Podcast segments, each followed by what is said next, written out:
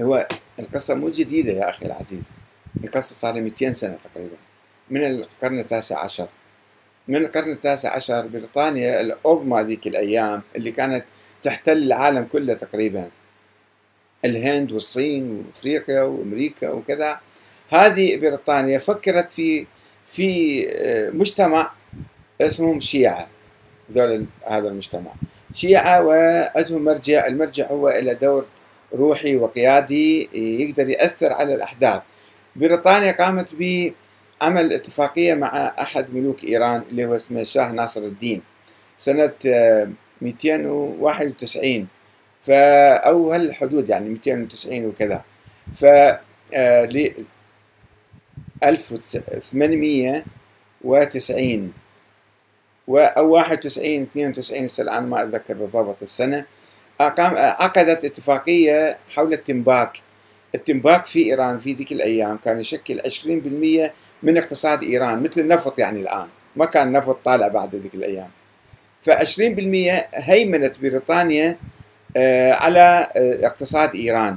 وبعثت جنود حتى ومخابرات وشرطة لحماية الشركة البريطانية التي كانت آه، تمنع بيع وشراء وتصدير التبغ التنباك إلا بإذن هاي الشركة، شركة احتكارية يعني. سيطرت على اقتصاد إيران، فالمرجع ذيك الأيام اسمه سيد محمد حسن الشيرازي كان موجود في سامراء في العراق. هذا طلب من الملك أن يلغي هذه الاتفاقيه الجائرة الاستعمارية، رفض الملك. فالمرجع أصدر فتوى بحرمة استعمال التنباك فانهارت الشركة وخرجت. فبريطانيا شعرت أنه الشيعة عندهم قوة بالمرجعية فحاولت أن تسلل إلها وتأثر عليها وتتدخل فيها. فعملت شيء اسمه خيرية أودا قالت بريطانيا أنه أحد الملوك الهنود في الهند الشيعة أوقف فلوس أنت خيرية. يعني وقف يعني. وهاي الفلوس أنا أجيبها للحوزة. وبريطانيا هي كانت تتكفل بهذا الشيء. توزع فلوس بنجف وكربلاء والكاظمية وقوم وكذا تعالوا أنتم أخذوا فلوس هاي من آه، فلوس من أرباح ذاك القرض اللي قرضه ذاك الملك. هذا موجود في كتب معروف يعني مشهور هذا جدا. والآن آه، ليس لست في موضع يعني يعني آه، أعطيك المصادر أنا متحدث عنه بدقة وتكتب حتى تكتب خيرية أودا بجوجل يمكن يطلع لك. حتى كتب مكتوبة مؤلفة حولها.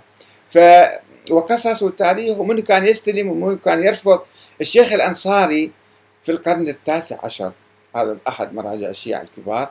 الشيخ الأنصاري شكك وشك في أنه لماذا دول جايبين فلوس دي يوزعوها البريطانيين؟ شنو هدفهم؟ شنو كذا؟ وجابوا طلبة من الهند يدرسون في الحوزة. الحوزة ما تعترف بهم أو ما تعرفهم في الحقيقة.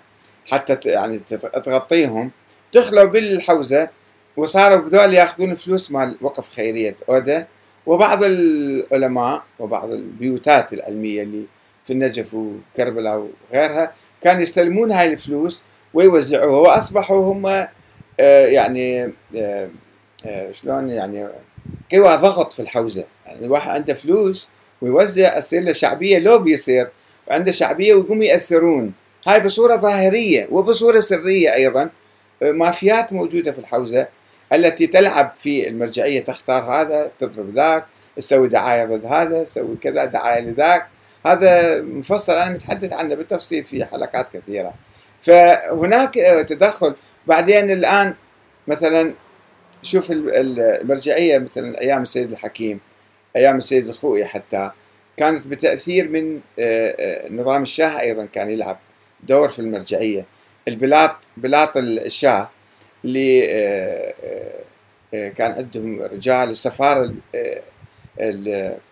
الإيرانية القنصلية الإيرانية كانوا يلعبون ويتدخلون في اختيار المرجع وضرب هذا ولصالح ذاك. عندما قامت الثورة الإسلامية في إيران قوى أخرى خارجية شعرت أنه المرجعية راح تدخل يعني تحت تأثير إيران فلا بد أن يفصلوا المرجعية النجفية الآن عن إيران. فعملوا مؤسسة الخوئي في لندن وفي أمريكا وفي بعض المناطق الأخرى وصاروا هذا به 11 واحد أمناء على هذه الأموال اللي عندهم. يعطوها للمرجع الجديد. هم يختارون المرجع القادم كما اختاروا السيد السيستاني مثلا. هم يتفاوضون مع هذا مع ذاك مع السيد البيغاني مع السيد صادق آه، محمد الروحاني مثلا تفاوضوا وبعضهم رفضوا.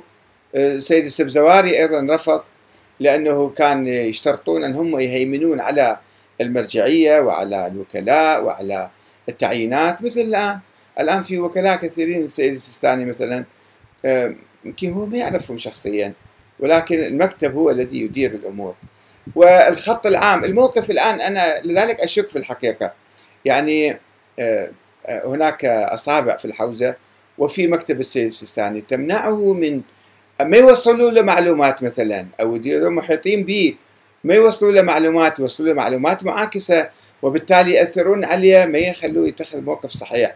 لماذا المرجع يصدر فتوى ضد داعش؟ فتوى واحدة عبأ الشعب العراقي لمكافحة داعش. لماذا لا يصدر أي موقف ما أقول جهادي ما أقول يدعو إلى آه، رفع السلاح ضد آه، أمريكا. ولكن موقف إعلامي أنه الاحتلال الأمريكي مرفوض ويجب أن يخرجوا من العراق. لماذا لم يقل هذا الكلام؟ هذا السؤال كان مطروح من أول يوم. أنا دافعت عن السيد السيستاني كثيرا وكنت أبرر موقفه بأن الشعب العراقي غير مهيأ في 2003 لكي آه، يعني يحارب أمريكا و, و يعني ربما يصدق ببعض الشعارات يسوي أمريكا تسوي الديمقراطيه وتريد تحسن أوضاعنا. ولكن بعد 17 سنة من ذلك الاحتلال أتساءل لماذا؟ لماذا لا يقول أنه أمريكا يجب أن تخرج من العراق؟ أمريكا الآن تهيمن على العراق. أمريكا تجتم تمنع تطور العراق. تمنع حل مشكلة الكهرباء. كما قالت شركة سيمنز ذاك اليوم انه شركة جنرال إلكتريك تمنعنا من العمل في هذا. تمنع الصين أن تدخل بالعراق حتى تحل مشكلة الكهرباء أو مشكلة كذا. الكهرباء عنصر ضروري لتطور البلد. وأمريكا عندها قوات وجيوش وأسلحة وتعتدي على سيادة العراق. تقتل من تريد وتقصف من تريد وحتى تقتل مسؤولين عراقيين. وهذا ما يدعو إلى استنكار استنكار ذلك. وأن أمريكا لماذا تفعلين كذا؟ أخرجي من العراق. كلمة واحدة حتى نحقق استقلال العراق. الآن إحنا Não.